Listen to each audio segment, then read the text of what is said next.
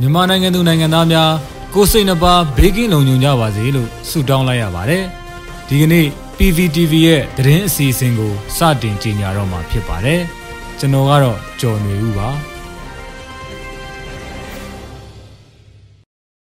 အခုပထမဆုံးအနေနဲ့အမျိုးသားညီညွတ်ရေးအစိုးရအဖွဲ့ပုံမှန်အစည်းအဝေး16မြင်းဆောင်2021ကျင်းပပြုလုပ်ခဲ့တဲ့သတင်းကိုတင်ဆက်ပေးမှာဖြစ်ပါတယ်။ ယနေ့ဇူလိုင်လ29ရက်နေ့နနက်10:00နာရီအမျိုးသားညီညွတ်ရေးအစိုးရအဖွဲ့ပုံမှန်အစည်းအဝေး16မြင်းဆောင်2021ကိုကျင်းပခဲ့ရာယာယီသမရဒူဝါလရှိလပြည်ထောင်စုဝန်ကြီးချုပ်မန်းဝင်းခိုင်တန်းနဲ့ပြည်ထောင်စုဝန်ကြီးများဒုဝန်ကြီးများတက်ရောက်ခဲ့ကြပါတယ်။အစည်းအဝေးမှာယာယီသမရနဲ့ပြည်ထောင်စုဝန်ကြီးချုပ်တို့ကအမှားစကားများအသီးသီးပြောကြားကြရာ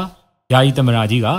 COVID-19 ကပ်ရောဂါအတွက်ကာကွယ်ဆေးရရှိရန်နဲ့ကုသထိန်းချုပ်နိုင်စေရန်အစဉ်တစိုက်လှုပ်ဆောင်ရန်ကမ္ဘာကုလသမဂ္ဂမှတန်အမတ်ကြီးဦးကျော်မိုးထွန်းကို ဆက်လက်အတိအမှတ်ပြုရေး credential နဲ့အမျိုးသားညီညွတ်ရေးအစိုးရကိုနိုင်ငံတကာကအတိအမှတ်ပြုရန်ထောက်ခံရေးအပိုင်းကိုနှီးပြူဟာကြကြအားထုတ်ပြီးဝန်ကြီးဌာနတိုင်းကအလေးထားဆောင်ရွက်ကြရန်နဲ့တိုင်းရင်းသားညီနောင်များနဲ့ယုံကြည်မှုတိစောက်သည့်အပိုင်းအတူလက်တွဲလှုပ်ဆောင်နိုင်ရေးအပိုင်းတွေကိုပုံမှုအားထည့်ရန်တို့ကိုအမျိုးသားညီညွတ်ရေးအစိုးရရဲ့လက်တလောအရေးတကြီးလှုပ်ဆောင်ရမယ့်လုပ်ငန်းတွေအဖြစ်အလေးပေးပြောကြားခဲ့ပြီးပြည်ထောင်စုဝန်ကြီးချုပ်ကပြည်သူတွေ COVID-19 ကပ်ရောဂါကိုကုရာကယ်ယာမဲ့ဖြင့်ခက်ခက်ခက်ခဲရင်ဆိုင်နေရတဲ့အခြေအနေကိုအခွင့်ကောင်းယူပြီး အကြမ်းဖက်စစ်ကောင်စီကအုပ်ချုပ်ရေးရန်ရာလဲပတ်နိုင်အောင်စ조사လာတဲ့ခြေလှမ်းတွေကိုတွေ့နေရကြောင်းအပြင်ကပြည်သူတွေဒုက္ခကြုံနေကြရတယ်လို့အကျဉ်းထောင်တွေအတွင်းမှာမတရားဖမ်းဆီးထိန်းသိမ်းခံထားရသူများဟာလည်း COVID-19 ရဲ့ချင်းချောက်မှုတံကိုဆိုးဆိုးဝါးဝါခံစားနေကြရကြောင်းဒါကြောင့်လဲဇူလိုင်လ23ရက်နေ့မှာအင်းစိန်အကျဉ်းထောင်အတွင်းမတရားဖမ်းဆီးထိန်းသိမ်းခံထားရသောအကျဉ်းသူအကျဉ်းသားများက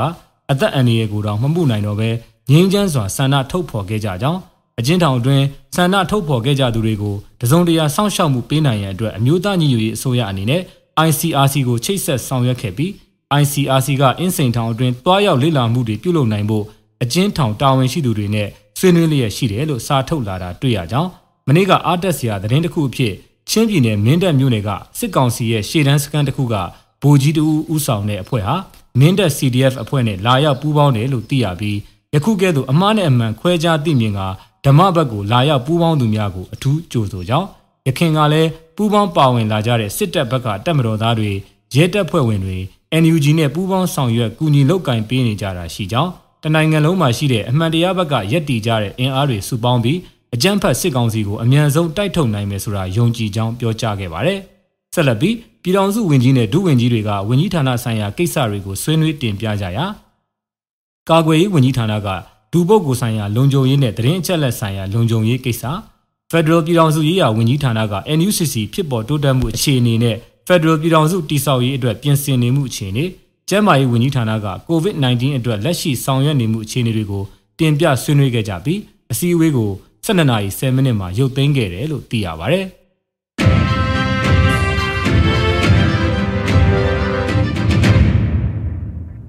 တောင်းမြစ်အပါအဝင်မြစ်သုံးစင်းမှာ ရေမျက်နှာပြင်ဟာစိုးရင်ရေမှတ်အနီးရောက်နေတာကြောင့်ရေဘေးအနေနဲ့ပိုကြီးလာနိုင်တဲ့အခြေအနေမှာရှိနေတဲ့အကြောင်းကိုဆက်လက်တင်ဆက်ပေးမှာဖြစ်ပါတယ်။စစ်တောင်းမြစ်အပါအဝင်မြစ်သုံးစင်းမှာစိုးရင်ရေမှတ်အနီးသို့ရောက်နေတာကြောင့်ရေဘေးအနေနဲ့ပိုမိုကြီးမားလာနိုင်တယ်လို့မိုးလေဝသနဲ့ဇလဗေဒဆိုင်ရာတုတေတီတူကသတိပေးထားပါတယ်။ဒီကာလကမြန်မာမှာပထမရေကြီးကာလဖြစ်တဲ့မွန်တို့ကရင်တို့တနင်္သာရီတို့မှာမြစ်ရေတိုးချိန်မိုးပါရွာရင်ရေဘေးကအရန်ဆိုးတယ် လက်ရှိရာသီဥတုအခြေအနေအရမိုးကဆက်ကောင်းနေဦးမှာဒေတာအလိုက်ကြိုတင်ပြင်ဆင်မှုအားနည်းရင်တော့မလွယ်ဘူးလို့မိုးလေဝသဆိုင်ရာသူတေတီတူကပြောပြပါဗျ။သူကစစ်တောင်းမြစ်ရွှေကျင်မြစ်နဲ့တနင်္သာရီမြစ်တို့ကြောင့်ရေကြီးနိုင်ကြောင်းရည်ညွှန်းပြောသွားတာလို့မဇ္ဈိမမီဒီယာသတင်းမှာပေါ်ပြထားတာတွေ့ရပါတယ်။လက်ရှိအချိန်မှာကရင်ပြည်နယ်မွန်ပြည်နယ်နဲ့ရခိုင်ပြည်နယ်တို့မှာရေကြီးမှုတွေနဲ့ကြုံတွေ့နေရသလိုကချင်ပြည်နယ်ချင်းပြည်နယ်ရန်ကုန်တိုင်းဒေသကြီးအေရဝတီတိုင်းဒေသကြီး ပဲခူးတိုင်းဒေသကြီးနဲ့တနင်္သာရီတိုင်းဒေသကြီးတို့မှာလည်းမိုးတီးထန်စွာရွာသွန်းနေတာကြောင့်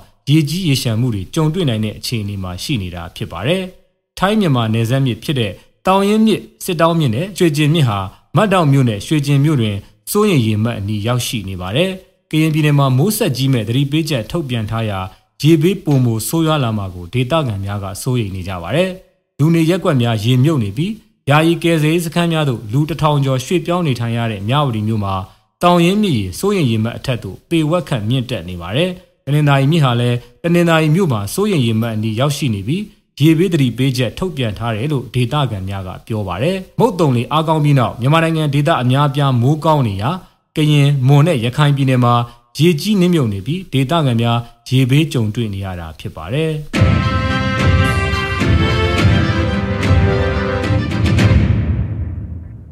ဆက်လက်ပြီးရခိုင်ပြည်နယ်တန်ရွဲမြို့ပေါ်နဲ့မြို့အနီးနားကျေးရွာတွေမှာရေဘေးအန္တရာယ်ကြာရောက်နေတဲ့သတင်းကိုတင်ဆက်ပေးမှာဖြစ်ပါတယ်။ရခိုင်ပြည်နယ်တန်ရွဲမြို့ပေါ်နဲ့မြို့အနီးနားကျေးရွာတွေမှာဒီနေ့မနက်ကစလို့တမျိုးလုံးဒီပါရေကြီးနေတယ်လို့သိရပါတယ်။တန်ရွဲမြို့ပေါ်ရက်ကွက်တွေနဲ့မြို့နယ်အနီးပတ်ဝန်းကျင်ကျေးရွာတွေဖြစ်တဲ့ကျောင်းတိုက်လက်ပံစုနက်ပြင်ဇာဒီပြင်စတဲ့ကြေးရွာတွေမှာရေကြီးနေတာပါအခုလက်ရှိအချိန်ထိမိုးတွေလည်းအဆက်မပြတ်ရွာနေသေးတာကြောင့်လူနေအိမ်တွေရေနစ်မြုပ်နေတယ်လို့ ဒီထက်ပိုပြီးဆိုးဆိုးဝါးဝါဖြစ်သွားနိုင်တဲ့အခြေအနေနဲ့ရင်ဆိုင်နေရတာဖြစ်ပါတယ်။ကုညီကယ်ဆယ်ရေးအဖွဲ့တချို့ကကုညီကယ်ဆယ်ရေးတွေလုပ်နေကြပေမဲ့အမျိုးလုံးဒီပါရေဘေးကျုံနေရတာကြောင့်တော်တော်လေးကိုအခက်အခဲဖြစ်နေကြတယ်လို့လည်းသိရပါတယ်။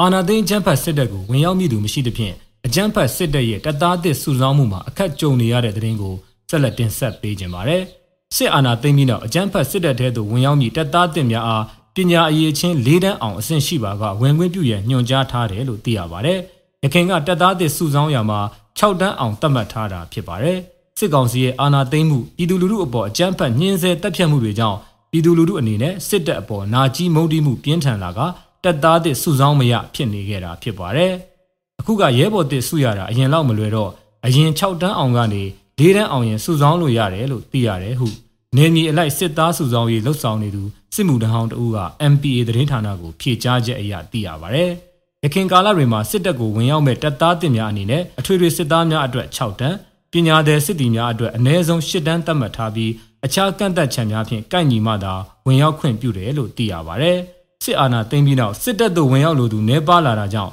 တပ်သားတစ်ဖြစ်ခွင့်ကတ်သက်ချက်များအားများစွာဖြေလျှော့ပေးနေတော့လဲ စုဆောင်းရရှိမှုမရှိဘဲဖြစ်နေရတယ်လို့သိရပါဗျ။ရေတော်ဘုံအောင်ရမည်ရေတော်ဘုံအောင်ရမည်